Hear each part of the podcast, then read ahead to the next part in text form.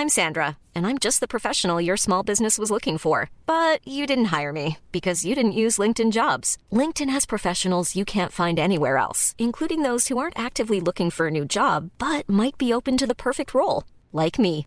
In a given month, over 70% of LinkedIn users don't visit other leading job sites. So if you're not looking on LinkedIn, you'll miss out on great candidates like Sandra. Start hiring professionals like a professional. Post your free job on linkedin.com/people today. Den där... Den här bruden som du håller på med. Eller ni ska inte... Prata inte för mycket nu. Det här är en podd. Ja. Kan vi klippa tillbaka? Ja, jag får klippa i början. Nöden har ingen lag. Vi- vi- vi- Välkomna till ett nytt avsnitt av podcasten Cyril och Stig. I otakt med samtiden. Dagens gäster är vi själva och det är ett specialinsatt inslag som är tillägnat danska poeten Yahya Hassan. Vi eh, hade tänkt hylla honom för hans poesi men vi störde oss också på eftermälet. Men i och med att våra tankar redan har eh, dryftats i media av eh, bland annat, av flera, men bland annat av Sara Abdullah i GP och Kajsa X Ekman i Aftonbladet så kan vi väl och Hassans egen vän Martin i, i Expressen. Precis. Som är en av Dan- Danmarks främsta journalister och var kanske Hassans bästa vän. Så kan vi väl eh, läsa upp lite kort ur dem och eh, kommentera dem. Det pågår ju nu nästan ett drev mot eh, Athena Farrokhzad, poet och eh, aktivist och eh, ansvarig för eh, Sveriges populäraste skrivarskola, Biskops Arne. Vi pratade ju om förut, du och jag Stig väl? När, när de här höll på, när det började drevet. att Även när det är personer vi tycker genuint illa om så är det faktiskt motdrev, eller hur? Alltså drev är per definition någonting ont. Ja, ja och det, det är som en pöbel som mobbar och sådär. Men samtidigt i hennes fall handlar det om att hon själv har, har varit väldigt duktig på att dra i gång drev. Även mot liksom, fem, kvinnliga feminister. Jag, jag själv tyckte att hon varit en oskön person efter de identitetspolitiska angreppen mot Kajsa Ekis Ekman till exempel. Ja, alltså hon är en person som... Alltså man måste skilja på sak och person va. Mm. Man kan ju tycka en sak och det får du stå för Mm. va. Sen kan jag tycka att en person är eh, obehaglig. Mm. Men det betyder inte, eftersom du inte känner personen va. Nej. Så betyder inte det att du ska döma personen. Nej. Så som det står i Bibeln. Döm inte så blir du Nej. inte självdömd. Nej men sen här ger ju här en person som tillhör moralist-identitetsvänstern som har suttit länge på höga test, äh, hästar vad folk ska tycka och tänka och sånt. Och det folk blir förbannade för, främst muslimska tjejer och tjejer från Mellanöstern ser jag nu. För, alltså, det är inte bara Sara Abdullahi utan det är tjej, eh, nya skribenter på svenska. Jag har sett alla möjliga, även skådisar som även Ahmad som vi hade i podden tidigare. ser På, som han har varit jätteviktig för, Jan Hassan. Alla de här unga tjejerna som dyrkade honom mer tror jag för hans kritik av islam än hans utseende, att han var tuff och bad guy och, och sådär. Det de är ju upprörda om någon för att hon då hade, hon hade ju mer eller mindre sågat honom i början för att han, han, han hon tyckte att han, att han, var, att han var för islamkritisk och eh, att han skrev för mycket om våld. Hon tyckte bland annat att hon kunde lära honom skriva och sen skrev hon en pinsam eh, inlaga här i DN för en vecka. Och det är den som upprör folk om hur hon skulle eh, och framförallt jag är Hassans bästa vän om hur hon skulle kunna ta honom under hans arm och gå iväg med honom och hjälpa honom. Och, Han men den, hade nog haft en kniv färdig för det. Ja, ja. Men, och jag upprörs ju själv. Nej, jag upprördes redan då också för jag tyckte liksom en som skriver det han skriver som uttalar ordet neger eller, eller säger att han ska slå eller att han beskriver hur han misshandlar en tjej som som kallar honom blatte eller eh, och och islam allmänt islamkritisk och sådär. Han skulle aldrig få sätta foten till hennes skrivarskola. Ej heller mindre recenseras idén om han vore en svensk författare. Så, att- och jag tycker det här också mot Athena, det är ju ytterst DNs fel. Jag tycker att de har haft två eller de har två väldigt svaga, svaga chefredaktörer. Jag tror att eh, anledningen att många har liksom så, att, att många att han berör så många, att han blir så personlig för många. Från alla, från Athena Far, eh, och, och till Kajsa Ekis och Sara Abdullahi och även mig själv. Eh, beror på att han, det är många som känner igen den här busen som är full av känslor och ilska men också väldigt eh, intelligent. Eh, och eh, i mitt fall till exempel finns det massor jag kan känna igen mig och det, kan, det tar jag upp. Jag kommer, kommer ta upp det också varför jag hade kontakt med dem och bland annat en kuriosa när jag rökte upp hans hasch. Men vi börjar med de, den här som har varit i debatten och kommenterar. Vi kan ju börja med, vi läser inte upp uh, Athena Farrokhzad för den var så otroligt pinsam. Också rent litterärt och stilistiskt och sentimentalt och sådär. Men däremot kan vi, tycker jag, läsa, vi, vi börjar i den ordningen de kom och där måste man också tänka på Sverige hur, hur politiskt korrekt att det är först när en dansk, Yahya Hassins egen bästa vän, mm. går till attack mot Athena som de andra vågar haka på. I alla fall, Martin skrev så här. Gravplundring är den mest ovärdiga formen av stöld. Men det dröjde inte länge innan tjuvarna anlände för att plundra Yahya Hassans historia. Athena Farrokhzad var bland de första. Redan innan hans begravning var hon beredd. För hon kunde naturligtvis berätta den mest sanna historien om honom. Yahya Hassans död kommer med en klarhet skriver hon. Alltså en större klarhet än den som hon själv kastade över sitt liv. Eh, han själv kastade över sitt liv. Hans död visar hur bruna män dör och hur de vita hycklarna vägrar att tala om dödsorsaken. Klassamhället, statsrasismen, Israel, ja och självklart naturligtvis, här kommer det, patriarkatet. Det var det som hade ihjäl Jaja. Kapitalisterna, rasisterna, sionisterna, männen. Uh, sen, sen fortsätter jag här. Yahya Hassan ignorerade henne den enda gång de träffades. Det förstår man av hennes kommentar. Men han hade bara följt med henne. Men hade han bara följt med henne hade hon tagit honom under armen. Bort från folkmassorna och de blivande bödlarna i medie och litteraturvärldarna. Ja, då hade de tillsammans förflyttat diskursen. Men varför skulle hon då ha berättat för honom om denna diskurs?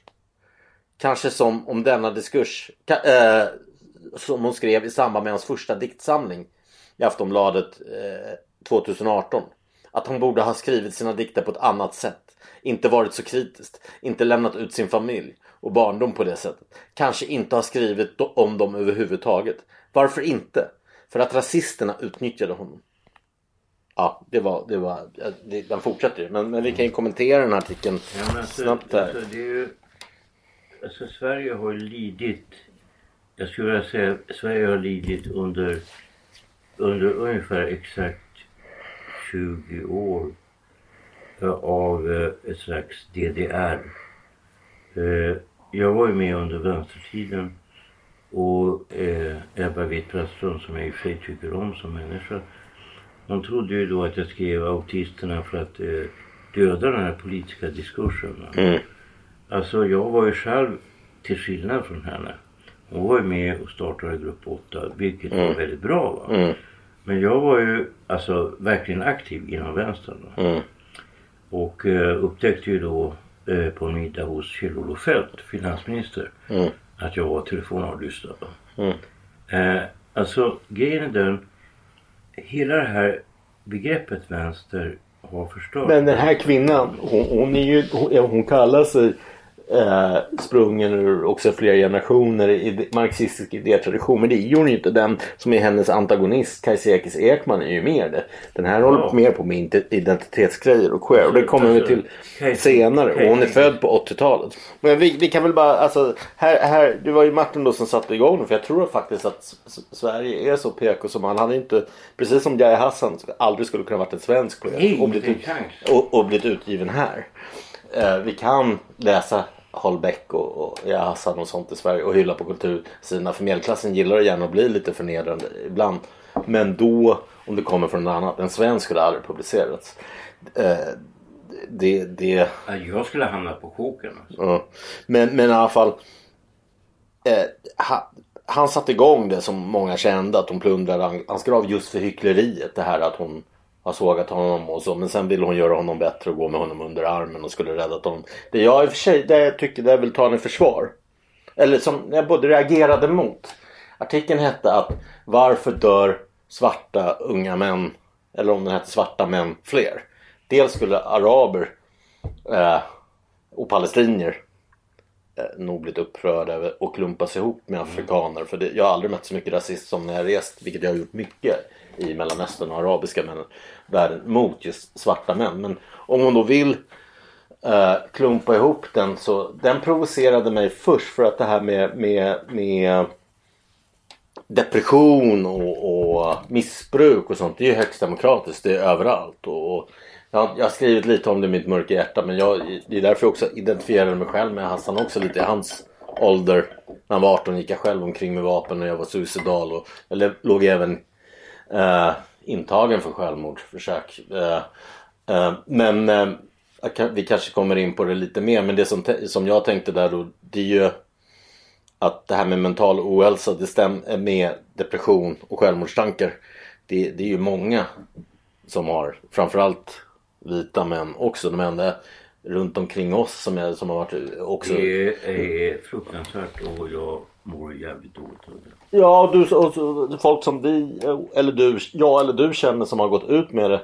Förutom jag nu kanske och även i mitt mörka hjärta. Det är ju jag menar, Ola Rapace gjorde det nyligen i en podd. Han kommer i en podd nu som vi redan har spelat in om några veckor.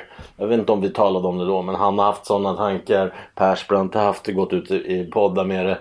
Uh, Sebbe Staxet. Uh, Jonas Inde som var en nära vän till mig innan han började flirta för mycket med nazism och högerextremism. Han har till och med hoppat ut genom fönster och, och sådana grejer. Den det blev, även, det, även tjejer ja. alltså. Ja men det, ja, det, det hörde Ja även tjejer. Men det hörde jag många upprördes över. Att, att det var så här typ att bara att, att, att kapitalismen gör att bara svarta arabiska män begår självmord.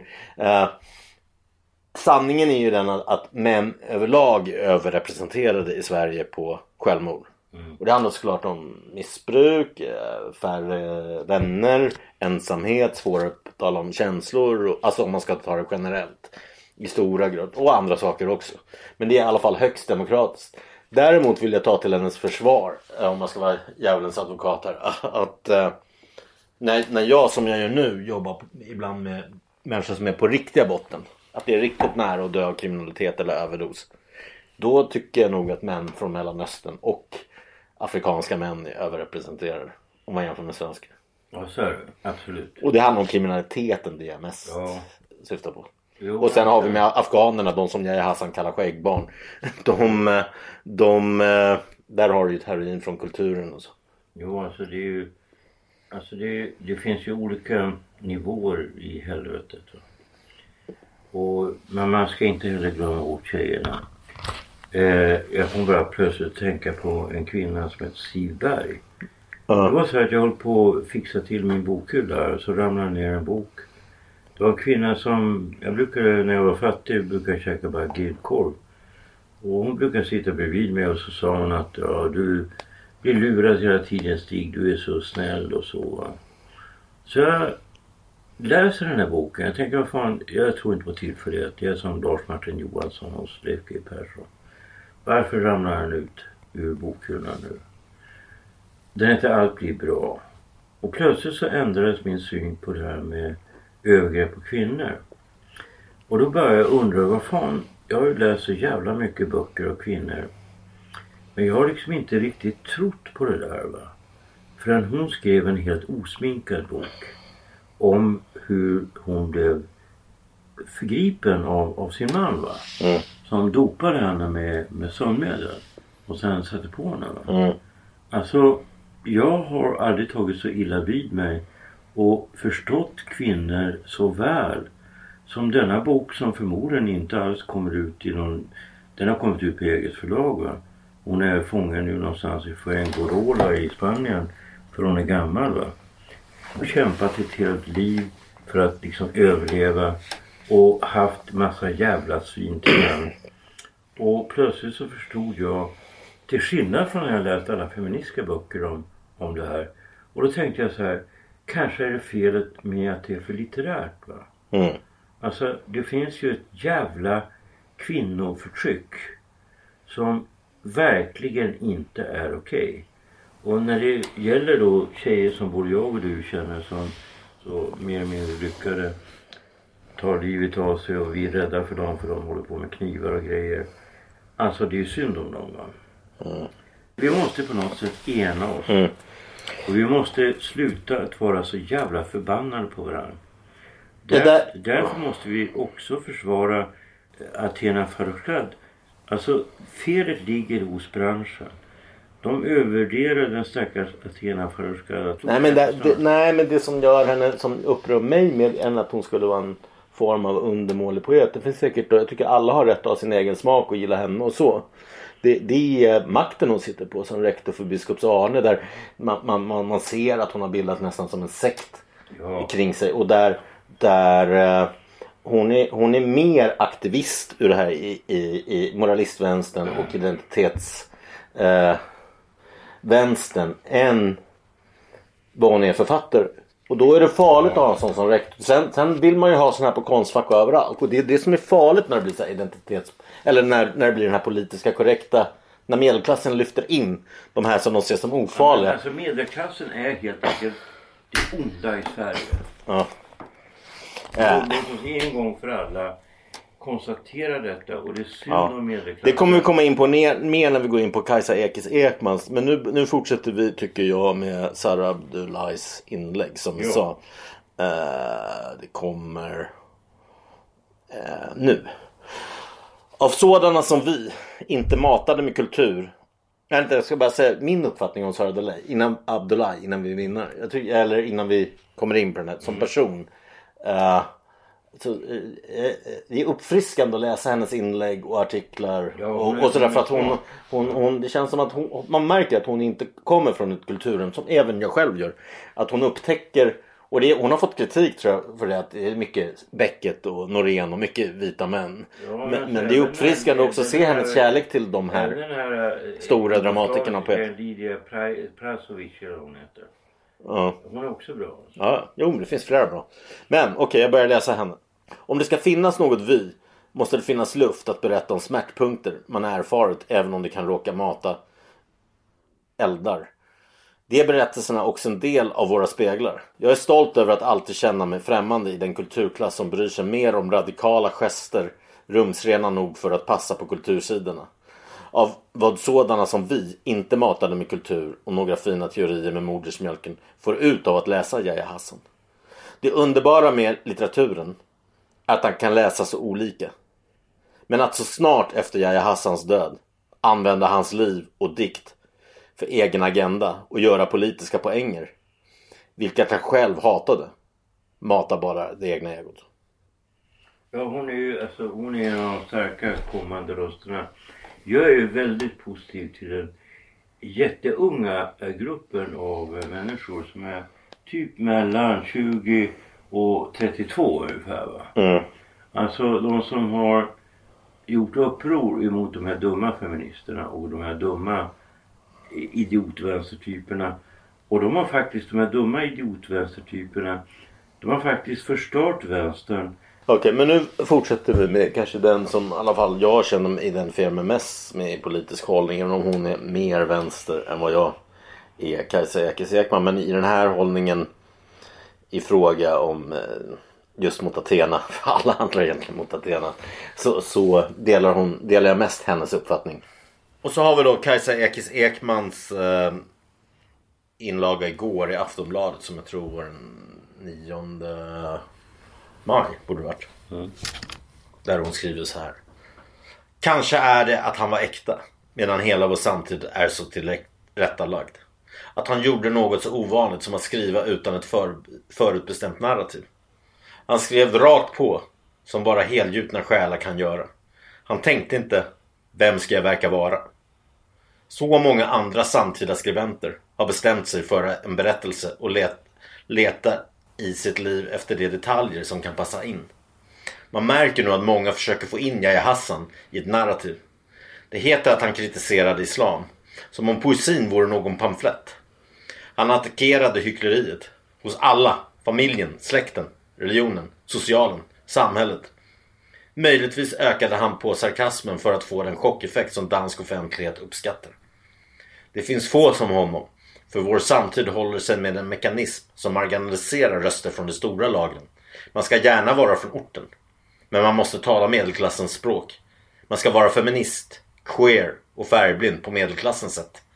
Man ska vara kritisk men endast mot majoritetssamhället. Som man följaktligen måste känna väl. Det är just också det här till exempel som att jag var inne på Jonas Hassan Cameron, mm. man tar in dem för att man vet att de är ändå en del. De är svenskar. Ja, men alltså det hände någon gång, alltså jag vet inte när det var, typ tidigt 80-tal. Eller sent 80-tal, att folk började köra med det här. Va? Att de kommer från en viss miljö. Alltså jag kommer från arbetarklassen, jag kommer från förorterna. Men bara tanken på att jag skulle liksom använda det som ett argument. Och det måste man hålla Torsten Flink verkligen räkning för. Han körde aldrig med att han var halvmarockan. Mm. Nej, nej. Nej, jag vet inte vad så. Jag kommer komma in på det nu. nu. Har vi något mer att kommentera Kajsas? Nej, alltså, Kaj, än att det är väl precis alltså, det Kaj, vi tänker. Kajsa är bara helt enkelt som ett språkrör för oss som vi beundrar. Ja. Sen beundrar hon nog inte alltid oss. Men, Nej men det må det vara. Det är inte alltid kärleken besvarad. Uh, Nej men alltså. Jag... men, så innan vi kommer in på det, det och de liknande så talar vi om, kan vi väl prata lite om hans författarskap och influenser. Alltså grejen med Yahya Hassan. Det här är väldigt kontroversiellt men om man säger så här att ungefär 95% av all litteratur i Sverige skulle jag vilja säga är fake. Det är mm. uträknat.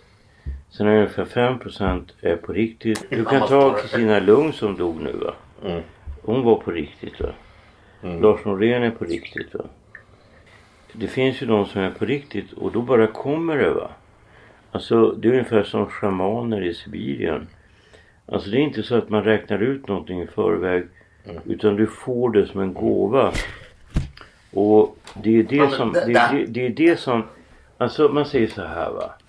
Varför beundrar jag eh, Thomas Bernhard mer än låt oss säga Graham Greene?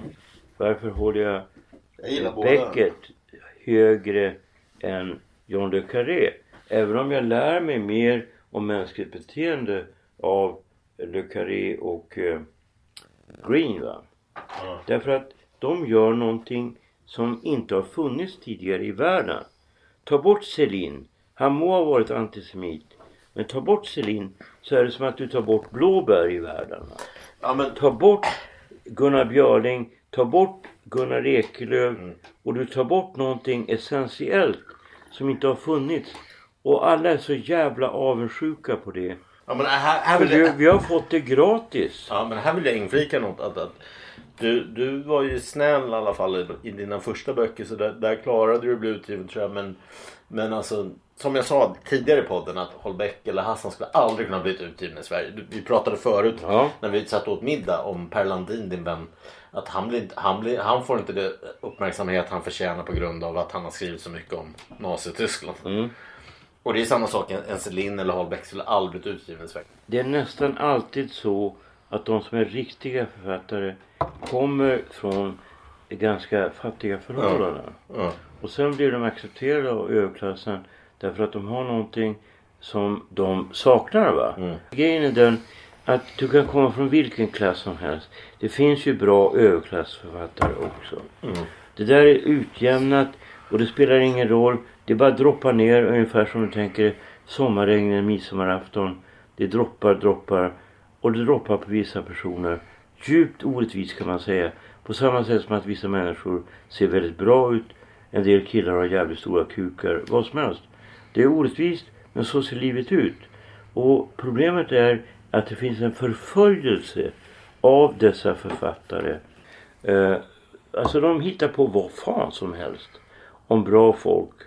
Om människor som är, har fått någonting av Gud för de är avundsjuka. Och avundsjukan är faktiskt, det är alltså tre stycken budord mot avundsjukan i, i tio Guds bud.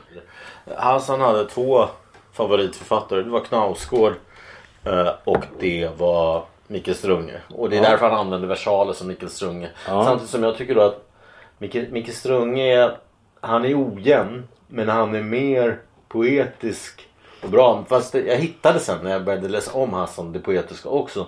Än Hassan. Medan Hassan är mer, mycket mer politisk och kontroversiell.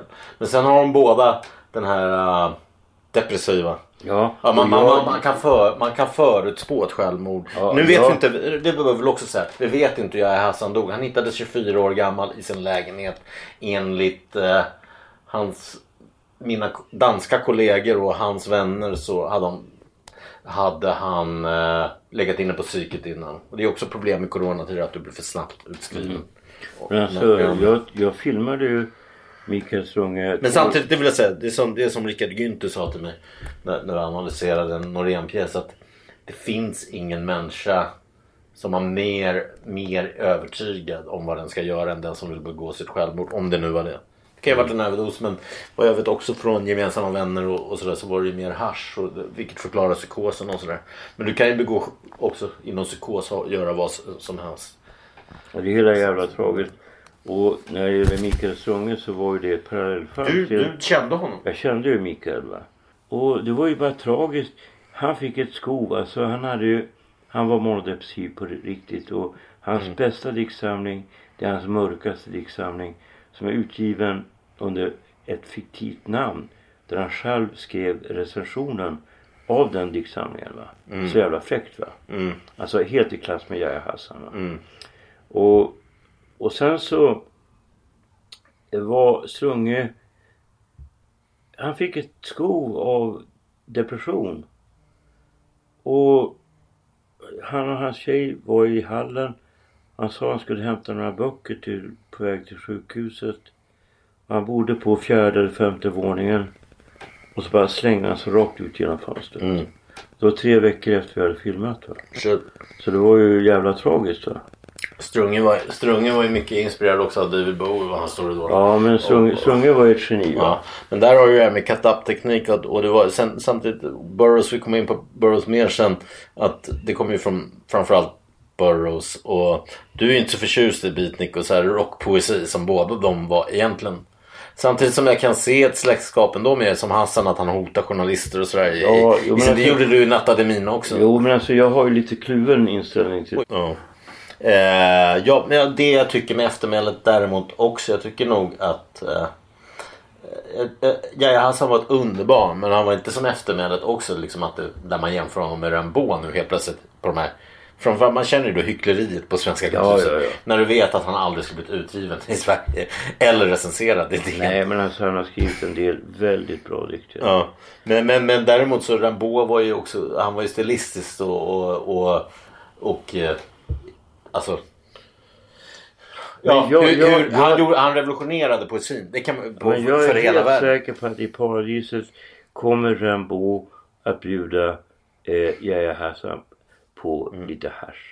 Ja. Nej, men jag, ja, men jag har också alltid sagt att Rimbaud var den första rockstjärnan jag skrivit någon artikel. Ja men har du, har du läst boken om, om Rimbaud? Nej, jag ska låna den. Alltså den Jag är så jävla tung. Ja. Han, han, alltså han är född hundra år för sent. Ja. Det är för tidigt. Jo. Han håller på och skriker könsord till Mm. tjejerna på sin skola på 1860-talet. Kom igen. Ja, eftersom så många också har pratat om hur de känner Yahya Hassan som en broder och syster eller allt möjligt vän så kan jag väl berätta om min relation. Så ska jag ta den här storyn med, med arset också. Det, det, jag, ser, jag, såg, jag kunde se på personligt, därför tycker jag att jag har rätt att uttala mig för att jag kan se personliga likheter. Att vi för, vi, det pratas mycket om klass i Hassan och ras och, och, och etniskt ursprung men där är vi från kanske totalt olika klasser. Han, äh, eh, klasser. Att han är trasproletariat eller någon, någon form av sån. I mitt fall så jag vet inte vad jag, vad jag tillhör för klass. Per Hagman är den som, som jag har träffat som, och känner som, som står mig närmast att man känner sig hemma i någon klass. Men visst på min eh, mormors sida, jag växte upp på herrgård på somrarna och sådär. Och uh, mamma gick i, med prinsessan i franska skolan och morbror i privatskolor och sådär. Men Däremot min mamma kan man väl beskriva närmast som, som väldigt lik en Lund. Både som person och sen den här klassresan neråt. Så att det var väldigt fattigt. Så jag växte Och upp. din pappa kan man beskriva som en värre version av dig. Ja, och han var ju folkskollärarson, alltså lägre medelklass. Men, men däremot där fanns det alltid pengar till skillnad mot hos mamma. Fast hos mormor också. Så I perioder också med, med mental ohälsa och sådär så hade jag det ju väldigt fattigt. Och när pappa dog så började jag leva gatuliv. Därmed vill jag väl också prata om de likheterna med där. Att vi, vi fick båda kvinnliga kontaktmän som det kallas. Som vi blev sexuellt utnyttjade av. Uh, Jaja han, var, han, han hämnades väl lite hårdare att han, eh, han polisanmälde kvinnan och han snodde mannens Fendi-gitarr och lät sin kusin Hälarhassen sälja den. Det skriver han om i sina dikter. Jag blev Däremot- också sexuellt utnyttjad. Ja, Ja, det är någon ju- känd författare. Men, precis. Men, men eh, det kommer vi till senare kanske. Men, men i alla fall. Och sen var vi också dömda då. Vi var också uppväxta med våldsamma fäder. Vilket gjorde att vi själva blev, jag tror mer våldsamma än vi var lagda. Och båda dömda för våldsbrott i tonåren. Han på pappret värre grejer än mig. Däremot skrivs det, det vill jag ju också säga om Hassan, att det skrivs i både dansk och svensk press här. Han dömdes för att ha skjutit en 17-åring i foten. Där bör man väl också säga att vi vet inte situationen. Det är ingen som har redogjort för den. Han själv var ju då kanske 19 så det är inte som att det är en vuxen människa som har gått och skjutit ett barn i foten. Eh, jag själv i den där åldern, jag bara, var tvungen att bära vapen också för min egen säkerhet och jag klarade mig tack vare vapen. Gudskelov slapp jag använda det. Lever du i den världen kan ett vapen rädda dig. Så därmed måste man förstå, tycker jag, också Hassans värld med varför han var vapen och sådana grejer. Även om han var psykotisk och, och sådär säkert också. Ja, nu kommer jag väl in på det här då och, och då också mina band till Hassan på något sätt. Som är, på något, de känns som band fast det är, jag är precis som Kajsa, Abdullahi och Athena alla kanske mer personer för att han hade något sånt som lockade till sig Och sen, Men, men här var det ändå på riktigt att när han hade släppt så sin, sin första diktsamling eh, som sålde i 130 000 på bara något halvår i Danmark. Och där ska vi väl också säga förutom att poesin så måste vi väl hålla med kanske Aten och sådana att mycket sålde på grund av eh, danskarnas eh, islamkritik. Som Det- fanns där. eh, så var det in. säkert. Okej, men här ska, vi, ska jag berätta den här historien? Då hade han slagit igenom ett dunder och brak. Och så kommer hans diktsamling ut på svenska som blir 2000-talets mest sålda diktsamling i Sverige av en utländsk författare i alla fall. Det vet man redan. Antagligen kanske som helhet också. Ja, Men då var han här på promotionbesök. Och eh, en väninna till mig som är kring administrationen kring honom. eh, Med det här PR-maskineriet. Hon, eh, han drar vidare där på efterfest. Och eh, eh, de mässar mig. Men jag, det här, så här, det här ångrar jag djupt. Eh, kom hit typ på efterfest. Jag missar, jag, eller ringer, jag hör inte. Uh, sen när jag väl ser och drar dit, då har ju, då har ju Yahya Hassan redan varit där.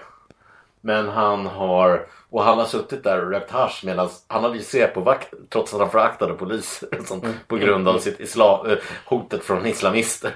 Så då har svenska Säpo-vakter stått utanför dörren medan han har suttit där och rökt på. Men sen har han lämnat haschet som jag såg det till mig och i vanliga fall är att, gillar jag inte cannabis. Jag har också risk för psykoser och sådär men då rökte jag ju upp det faktiskt.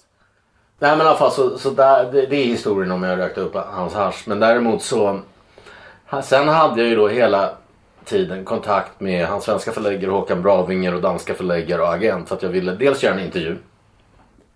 Men sen hade jag en idé också som du också och alla andra inblandade Ryan Reynolds här från Mint Mobile. Med priset på nästan allt som går upp under inflationen, trodde vi att vi skulle bring våra priser. down. So to help us, we brought in a reverse auctioneer, which is apparently a thing. Mint Mobile unlimited premium wireless. Ready to get 30, 30, bit to get 30, bit to get 20, 20, 20, bit to get 20, 20, bit to get 15, 15, 15, 15 just 15 bucks a month. So, Give it a try at mintmobile.com slash switch. $45 up front for three months plus taxes and fees. Promo rate for new customers for limited time. Unlimited more than 40 gigabytes per month. Slows. Full terms at mintmobile.com. I'm Sandra, and I'm just the professional your small business was looking for. But you didn't hire me because you didn't use LinkedIn jobs. LinkedIn has professionals you can't find anywhere else, including those who aren't actively looking for a new job but might be open to the perfect role, like me. In a given month, over 70% of LinkedIn users don't visit other leading job sites. So if you're not looking on LinkedIn, you'll miss out on great candidates like Sandra. Start hiring professionals like a professional. Post your free job on linkedin.com/people today. Hade gillade att vi skulle göra en podd med dig, mig, han, Jaja och Knausgård. Och Danne Fridell när han fick höra det, han ville också filma så att det skulle också filmas. Eh, och eh, Ja men det, det jag ångrar djupt nu när han har dött jag, skulle, jag hade ju hela tiden lovat hans folk att skicka Han valde själv, när jag hade som mest kontakt med honom så hade han ju valt självvald isolering i fängelset. Efter det här med pistolgrejen, han skjutit någon. Och, och de informerade mig att han skrev i alla fall. Vilket var ett gott tecken och det kunde han göra bättre där. Sen har han väl gjort sig eh, ovän med många på avdelningen kanske. Eh, jag lovade i alla fall skicka böcker av dig och mig till honom. Vilket jag inte gjorde. Liksom. Så man, man tänker så här, ja, men jag gör det sen och så bara glömmer man bort. Och det ångrar jag djupt att jag inte eh, gjorde. Ja, men så ser livet ut. Vi vet inte när vi dör. Okej, men då kör vi igång då. Jag tycker att vi läser några, vi väljer väl en fyra, fem dikter var och läser Ja, dem. Och så, så diskuterar vi dem. Du får börja. Age before beauty. Age before beauty. Nattbuss. Det är så trafiken rör sig. Vind i en buss som stannat för rött vid Dikterparken. En flock negrer stiger av vid Sören Fricks vaj. Över bron. Ett annat getto. Grönländaren blev våldtagen i det där skjulet vid fakta. För evigt skrikaren på språng från uppgång till uppgång. Ja. Jo men här alltså hur ska man tolka, alltså det man kan tolka, här är jag ju rakt på sak och det, och det och, men det som jag tänker på direkt det är det här vi pratade om förut hur han aldrig skulle bli publicerad eller recenserad i Sverige. Nej, bara, här- han, bara för att han använde ordet neger också. Ja, det här är bra poesi. Ja. Och Vad tänkte du när du läste upp det? Bara att det är bra? Precis Ja, men det är direkt, det är liksom, det är våld, det är på riktigt. Ja. ja. Men det är det som finns där. Liksom. Ilskan och våldet framförallt. Jag börjar med... Frågan är om... Ah, jag- börjar med den här. Som... Jag hade ju länge... Jag, bör... jag kan börja förklara varför jag läser. För att jag tyckte att till exempel skillnaden mellan Jaja och Strunge. att Jag tyckte att jag saknat den poetiska känslan. Att det inte fanns så mycket. Att det handlar mer om den här ilskan, hatet mot föräldrar som jag har delat gemensamt med honom och, och, och våldet och, och det politiska och antireligiösa och, och sådär liksom. Men eh, alltså läser man noga sen när jag läser om så finns det ju poetiska där och det är därför jag läser den här. Det är en av de första dikterna i första diktsamlingen. Utanför dörren heter den. Jag satt i garderoben med en äppelmunk i handen och lärde mig knyta skosnören i stillheten. Apelsiner med nejlikor och rött band. Hängde från taket som genomborrade voodoo-dockor. Det är så jag minns dagis. De andra längtade till jultomten som skulle komma. Men jag var lika rädd för honom. Som jag var för min pappa. Så här är också en som jag känner igen mig själv. Vem minns inte jultomten? Jag kommer så väl ihåg när jag genomskådade pappa. Eh, det var ju skorna. Ja, Eh, jag var ju ja tre år. precis. Det är det ju också. Så, men, men jultomten har ju pappas skor. Mm. Och det var liksom en, en ganska avgörande krasch va. Mm. Att inte tro på jultomten. Ja men det jag vill säga med också att jag läser den här när jag pekar på det allmängiltiga så kände ju jag för min pappa också att, och jultomten kanske också. Men framförallt för min pappa som ofta var jultomten. Där jag är uppvuxen ändå med, med våld. Alltså så långt jag kan minnas från min pappa. Och att eh, det handlar inte om om du är muslimsk eller svensk man. Men det är ju det som den här Athena också har hållit på liksom att ja han utmålar att muslimska pappor slår sina barn ungefär. Det är en av grejerna liksom. Medan i hennes då kritik mot honom säkert, alltså indirekt. Ja, i, Men- i mitt fall var det och så. de andra också. Hon är inte ensam att mitt- kritisera. Han har ju delat folk i två läger. Ja, i och, han mitt- har ju, och, och det här PK-vänstern Ja. accepterar ju inte att, att, att han skildrar då muslimska män så här. Men som sagt, det kan vara en vit man också från Dalarna. Salam Habibi. Jag täljde på en träpinne i skolan när en lärare räckte mig telefonen. Det alltid ringde min pappa med. Vad har jag gjort nu? frågade jag och satte telefonen mot örat. Men det var mamma. Hon sa hon hade rest bort. Jag började gråta i träslöjdskjulet. Kvällen innan skickades vi in i vardagsrummet. Dörren till sovrummet stängdes. Ljud bakom dörren och en titt genom nyckelhålet. Mamma med en sladd kring halsen. Jag slet upp dörren och han tog av sig sitt bälte. Jag skulle ju stanna i vardagsrummet. Ja men den är stark. Det är ju på, på riktigt. Det Det, som jag det, menar det med där säger går inte att tänka ut. Det är det jag säger urkraft. Liksom, att, det, att du går att jämföra särskilt med de här svenska. Liksom, ja okej, då läser du. Eh, var, när du läste en dikt nu sist, då, då är det min tur nästa Det är din tur nu. Ja. Då, här, ge mig första boken. Den här? Ja, vi, vi tar varannan ur bok efter bok. Den här dikten hade jag väl mest tänkt att läsa för att lyssnaren ska förstå vad som har gjort den här Athena Farrokhzad så upprörd. Uh, han har väl, ja jag har ju väldigt långa dikter ibland så jag läser kanske inte hela men jag läser så man kan förstå vad som upprör uh, en viss form av, av medelklass kulturvänster. Alltså. Jag kan väl läsa här då. Den heter Till psykopaten. Kvinnlig psykiatriker på säkerhetsavdelning. Hon provade piller på Romal. Afghan-taliban. 24 i verkligheten. 17 på uppehållstillståndet. Han hade skägg. Redan när han var 12 år på uppehållstillståndet. Vi är ett härligt kalifat. Vi är flyktingar utan ålder. Det är därför det finns arabkvinnor i sjuan. Som har pattar så stora att det inte finns slöjor nog. Det handlar om ålder och inavel. Kusin plus kusin lika med farfar och farmor.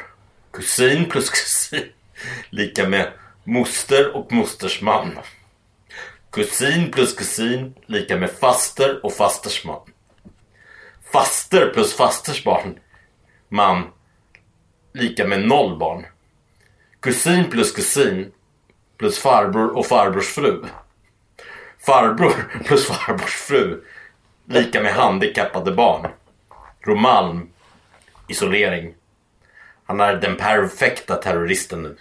Sen fortsätter han med att stoppa nu. Men Ja. jag ville läsa början på den här dikten för Ja, att det är- man, man också ska förstå den här Athenas vrede. Ja, herregud.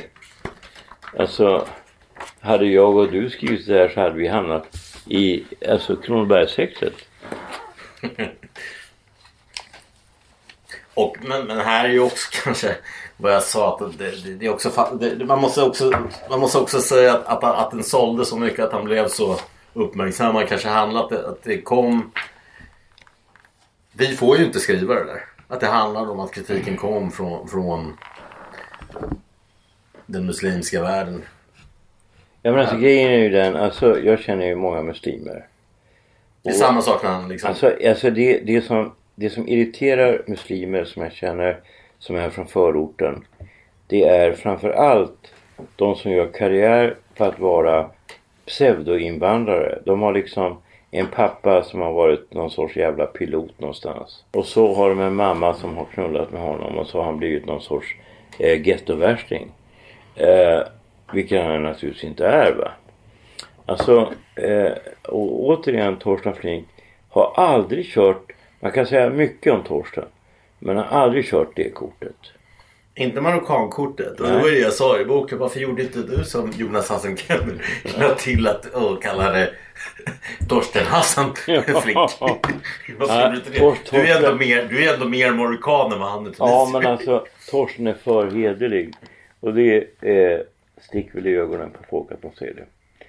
Nu ska vi ta en lite längre dikt som är väldigt dramatisk. Den heter, hörs här? Ja. Den heter Ersättare. Dealen drar till Emiraten. Han överlämnar röktelefonerna till mig. Och en väska med kakor och vågar. Kom ihåg när det är kattat. Då du, du är dealer. Och inte låta någon få krita. Pundare kommer aldrig tillbaka. Men om någon av de stora behöver något så bara ge dem. Om du inte vill ha en problem. Aldrig visa vad du har i dina händer. Inte röka med kunderna. Och håll en öga på det blå. Om det blir problem, bara ring Issa. Han poppar en Dolol och rostar en cigg. Och inte ha paranoia. Lägg dina kulor i blöt. Rök en bit. Jag är tillbaka om två fredagsböner. Han sticker till mig 10 gram och säger här har du lite röka. När jag kommer tillbaka du får pengar. Kniven är slö så jag biter, jag väger, jag förpackar. Telefonen ringer och vänner vill ses. Den sneda axeln. Studenterna. Pensionären. Blatten i Forden. Negern, kusinen, horan, missbrukaren. Kom till den gröna längan nummer 23. Kom till tunneln. Kom till fakta. Jag fixar en kund här och där. Vem är du? frågar kurden. Jag är dealen, säger jag. Vad behöver du? Vet du vad jag kan få tag på? Tjack! Jag vet inte var du kan få tjack. Och jag har slut på Dolol. Vad har du då?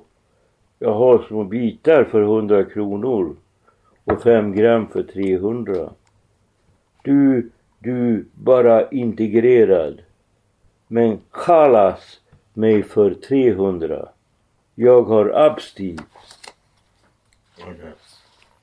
Alkoholisterna sitter på bänken och betraktar generationerna och det stora går runt med steroider i humöret. Och rökbilarna rullar in och ut ur området. Och mullorna går till bönehusen. Snuten patrullerar framför fakta, bakom fakta. På gatorna, på stigarna, vid de vita längorna, vid de gröna. Så jag skickar bort kunderna till mammas uppgång. Kastar kratschar från balkongen och hämtar sedlar i postfacket. Området kokar. Två av de stora satt i en bil. När en flock från de andra längorna kom med knivar och påkar, slog och högg i 20 sekunder och försvann in i uppgångarna. Så nu är det möte vid fakta. Alla är samlade. De stora och de små. Och det mittemellan. Skottsäkra västar delas ut. Och utgångsförbud för de passiva på kvällen. De kör runt på motorcyklar och håller koll på området. Det kritar lite mycket här för tillfället. Telefonerna ringer. Det gamla numret och det nya numret. Jag skickar över dem till samma uppgång. Jag går förbi snuten. Men jag släpper ut mina fridfulla lockar och vickar lite på röven. Och vad sägs om att göra något åt de andra blattarna först? Kunderna trippar i uppgången. Jag ger dem vad de behöver. Och den gamla kunden får det nya numret. Jag får slut på stora knatchar. Går hem efter ryggsäcken. Och cyklar ut till mellanhandens mellanhand. Han faller på knä vid sängkanten och letar fram ett par vakuumförpackade kakor. Du kan bara katta här, säger han.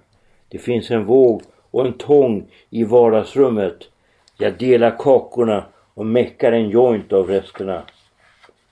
Jag röker dem och cyklar tillbaka.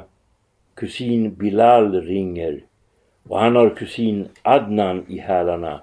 Han själv cyklar och fixar till dem och säljer dem på den blå Avis. Han har slutat röka men vill ha lite till sin lillebror. Jag ger honom en knatch, biter ett hörn av min egen och ger honom det också. Hälsa och ta hand om dig. Jag går till tobaken efter sig. Vad händer Gyldendal? Har du börjat deala? Jag vill inte ha sju somalier smutsiga händer i handen så jag hälsar min knutna näve mot sju somaliers knutna nävar och fortsätter in i tobaken utan att svara. Hej författare, säger Sharif. Han säger aldrig annat. 20 prins tack. Hej författare. Jag röker en godnattis i en stulen bil med några från området. Sätter mig och tänder min joint och håller händerna i fickan. En motorcykel låter mitt mittersta längtan. Två rånarluvor kör emot oss. Tittar in genom rutan. Känner igen oss och kör vidare. Jo, men det här beskriver ju verkligheten och Sam och liksom en sån här som om vi tar på mig själv, alltså som, skrivit i mitt mörka hjärta och spelet är spelet. Det kan inte publiceras om det, om det är från en svensk författare som skriver om folk som har levt den här världen och har mördat kanske till och med. Eller, här Alltså kan- danska polisen är något mer pragmatisk än den svenska.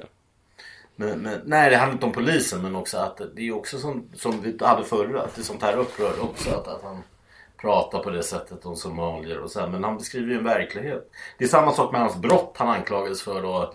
Trakasserier mot en kvinna. Han ska ha hotat någon kvinna att han skulle våldta henne. Uh, han har skjutit en i foten. Det är ju inget jag tror inte du, jag kan inte ta det i försvar och jag tror inte du gör det heller. Men däremot så, man kan fördöma handlingen men inte personen. Samma sak där, det har inte analyserats, de domarna.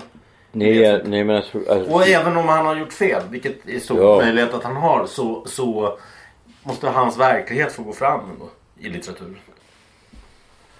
Uh, nu ska vi se vilken jag ska ta här. Då är det min tur.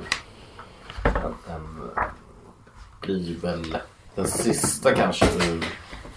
Vad vill du säga mer om den där? Du läste en väldigt lång dikt mer. Du, Ja, alltså den är- kändes det- som att du beskrev en dikt ur en langares liv. alltså den ger en bild av en kväll. Alltså det finns en poesi i bakgrunden va. Du känner på något sätt sensommarnattens kyla va. Du känner på något sätt effektiviteten i handlingarna. Du känner på något sätt upphetsningen av våldet. Du känner på något sätt en massa saker som inte står bokstav för bokstav. Men hos en riktig poet så känner du saker som inte finns i texten. Här vet jag inte hur, om det är allmängiltigt men den här dikten som jag ska läsa nu 63 den handlar ju Den är ju nästan identisk. Den handlar om mitt liv när jag var 15, 16. Eh, Den heter Kontaktperson. När jag inte var i verkstaden gick jag i specialskola. Jag gjorde två sidor grammatik om dagen. Och så monopol resten av tiden. Det hade gett upp att undervisa mig i matematik. En fredag fick jag en uppsats i läxa. Måndag morgon skummade läraren igenom uppsatsen. Hon sa att det var något. Jag hade skrivit av från nätet. Jag skrev en ny med detsamma. Sista skoldagen innan jul gav hon mig strunge samlade. Och hon sa, säg det inte till någon. Hon hade skrivit en dikt på första sidan. Efter lovet pratade hon om litteratur och filosofi. Och andra ämnen också. Hon skrev själv på en roman. Jag läste hennes manuskript. Hon gav mig flera böcker och skickade mejl. Bjöd hem mig till sin man och sitt barn. Genom en port. In i en lägenhet. Med böcker i hyllor och dyra gitarrer på väggen. Jag tog min examen och fick bra betyg. Nu tyckte kommunen att jag kunde flytta tillbaka till Århus. Hon kontaktade min socialassistent. Jag fick en lägenhet i hennes stad. Hon blev min kontaktperson. Min mamma och mina syskon kom och hälsade på. Min lillebror skrev dansk för livet på min tidning. Det började med en kyss, som det väl alltid gör.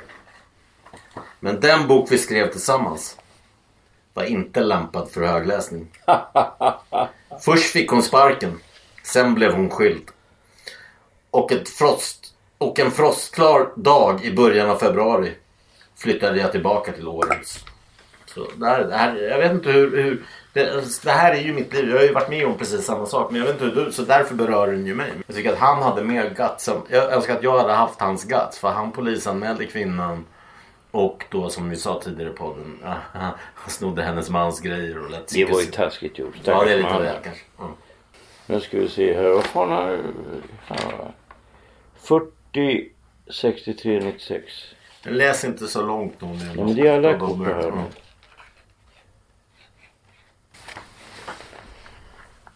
Kåt. Jag var påträngande och fick hennes ovilja och trängde mig på från höften. Jag tog henne utan våld. Hon satte sig på sängkanten, avklädd och avdankad. Vi avvecklade vår relation lika lätt som vi hade utvecklat den. Och månadernas tystnad kom emellan oss. Ihåliga känslor och urholkade värderingar. Jag har bara rännskita till övers. Eh, jag tror att det är få författare som har skrivit så brutalt om one night stands. Ja, då, men då, ja, då håller jag med om det den, den hopar ju faktiskt den eh, dikten jag hade tänkt att läsa. Kan läsa den. Den heter Jetlag förmörkelse. Jag kommer inte läsa hela utan jag läser bara första sidan. Men, eh, när jag vaknar spelar symfonin. Från en spricka i himlen Satan har varit här. Fyra cigarettfimpar kämpar i toaletten. Vin och urin är samma flod. En sjuk skit i hörnet är svart sen grön sen röd. Jag har fortfarande festmåltiden i min mun. Jag har det ofullkomliga mellan mina ben. Jag har knullat ett liv ur en liten flicka. Med protesen jag ärvt av min pappa. Jag kände blodet. Jag gav upp dagens kristall och hoppet till höger om mig. Jag sökte skydd från mänskligheten. Jag åt dagens måltid i en grop. Jag tog storhetsvansinnet till mig. Jag hukade för regnet som en annan idiot. Jag nedtecknade synderna och skickade dem från korrektur hos profeterna. Jag frikände syndarna från samvetet som är ruttet. Som en hjärna. Som måste vara en förbrytelse. Jag letar fortfarande efter min förhud. Det här vill jag väl först också påstå. Det, det hopar ju på det här som du läste om. Men det här med slutet med förhud, det är återkommande också. Det finns en annan dikt som vi hinner inte läsa alla. Men där, han, där hans bror spänns fast och de skär om honom och sådär. Och han Ja, är ju palestinier. men, alltså. Ja. men, men, men mamma vill ju omskära mig. Och så jag tänker ju också på det här personligt. Men då var farsan, trots att, och det här ska jag ju tacka honom för, trots att jag har egentligen samma problem med min pappa som Hassan hade sin. Eh, att då sa ju farsan, det är ju det är helt jävla bisarrt, skära i en bebispitt. Eh, nej, såklart du inte ska liksom. Klart du inte ska omskäras. Sen bodde jag i New York och där skär ju om för att alla läkare är judar också. Det var därför min, min exfru fick extra bra behandling. eh, av läkarna och sådär. Så du, du skär ju om även folk som inte är judar, svarta och sådär. Typ 40% av amerikanerna. Va? Jo, jag tror att det är så högt. Men i alla fall, all, framförallt alla judar har, eh, finns det ju mer i New York än i, i hela Israel. Så när min son föds då, då, då frågar ju läkarna såklart om det. Och min, min exfru tjatar på honom att, att min son ska skäras om. Och då sa jag ju också, fan jag helt, då, då citerade jag ju farsan. Helt jävla bisarrt skära i en bebispitt. För där i New York, läkare, judar och läkare och araber säger ju ofta ja men det handlar om hygien och så. Ja möjligtvis för, för kvinnan. Men inte för männen. Det finns ju att du föds där som, att det är, är som ett skydd. Och jag mötte så pass många judar och andra människor i New York i min egen ålder. Som hade problem att det är ju lätt att skära fel med förhuden. Så att Det fanns en intresseförening med massor med människor som inte ens kunde runka för, för att de blivit omskurna fel. Oskyldigt. Vilket många blir. Vilket jag tror kan vara problem på många för övrigt utav dem. Men, men i alla fall, det här är återkommande. Hans hur bisarrt han trycker i och skära i bebissplittar. Och det håller jag med honom också. Så där kan jag identifiera mig. Och min exfru fortsatte det, även när min son var 10 år. Och det är också helt bisarrt att han ska sövas ner och skäras om då. Så, men jag var där. ja, men där gjorde farsan en bra grej mot mig. Som jag Ja. är tacksam. Och som jag sa också alltid. Men ehm, okej, ta nästa dikt du. I, Ja, nu ska vi se vad vi är på sidan. Nu är det sidan 63. Eh, I den här nya. Två. Också en kort dikt.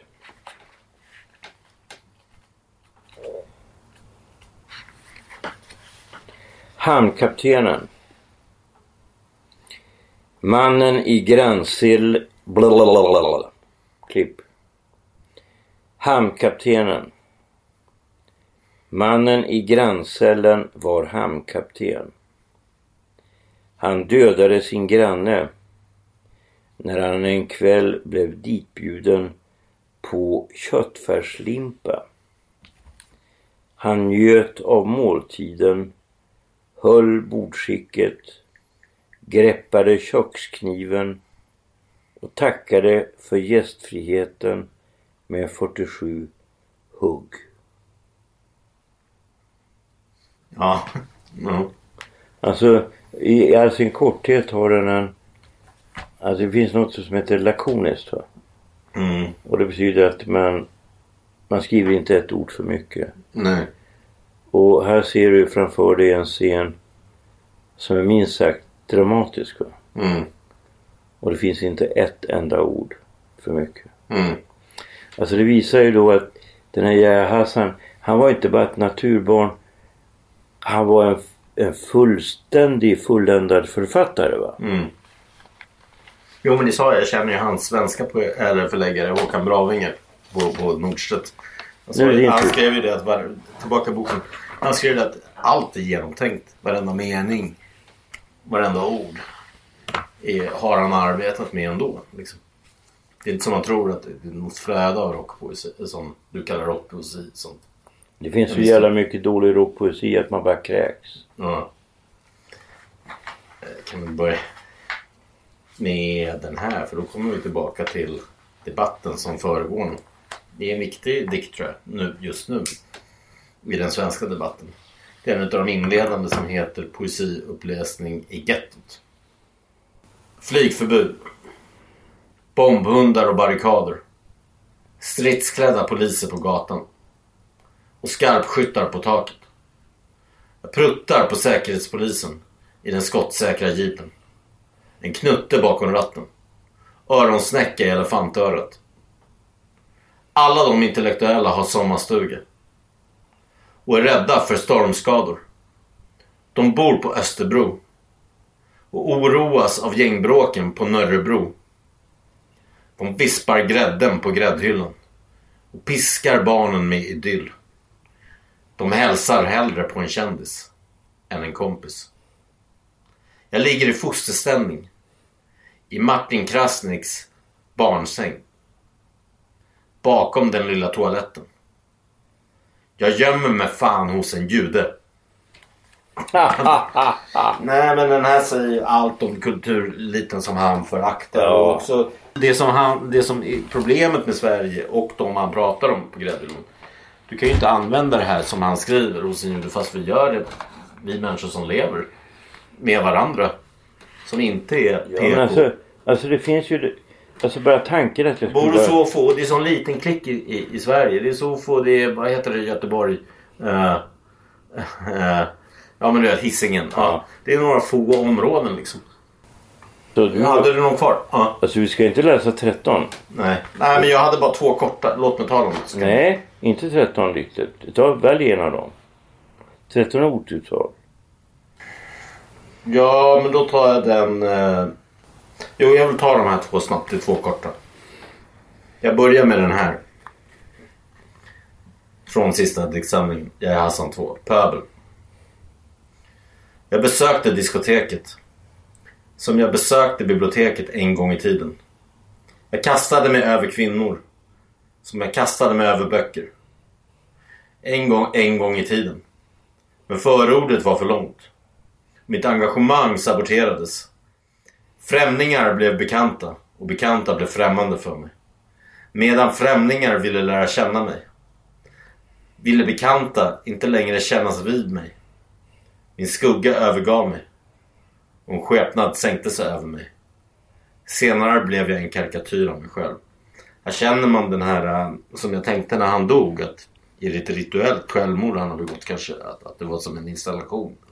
Nej. Nej men inte Inte riktigt. Men man känner den här föraktet över som framgången medför. Som, om vi tar andra som hade. Jag tänker på Kurt Cobain som dog för tidigt. Jo, jo, jo. Det var en bra dikt.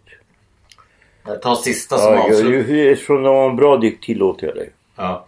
Och så tar vi den sista som avslutar. Och, Nej, men jag ska, jag ska läsa en till dikt också. ja. Jag tar den här sista som, den är bara på några rader som jag tycker sammanfattar.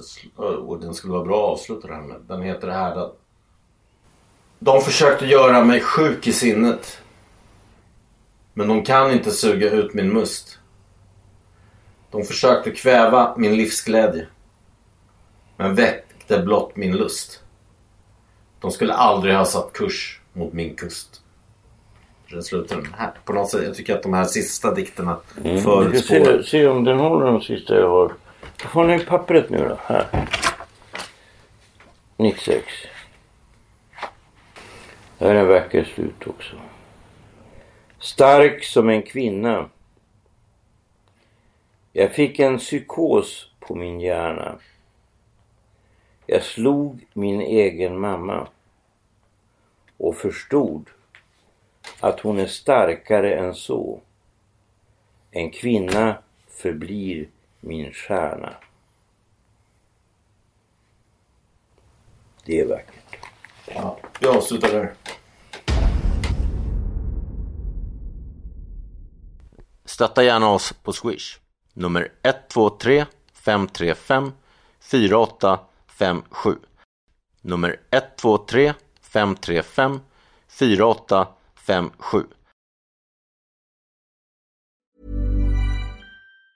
Planning for your next trip? Elevate your travel style with Quince. Quince has all the jet setting essentials you'll want for your next getaway, like European linen, premium luggage options, buttery soft Italian leather bags, and so much more. And is all priced at 50 to 80% less than similar brands. Plus, Quince only works with factories that use safe and ethical manufacturing practices.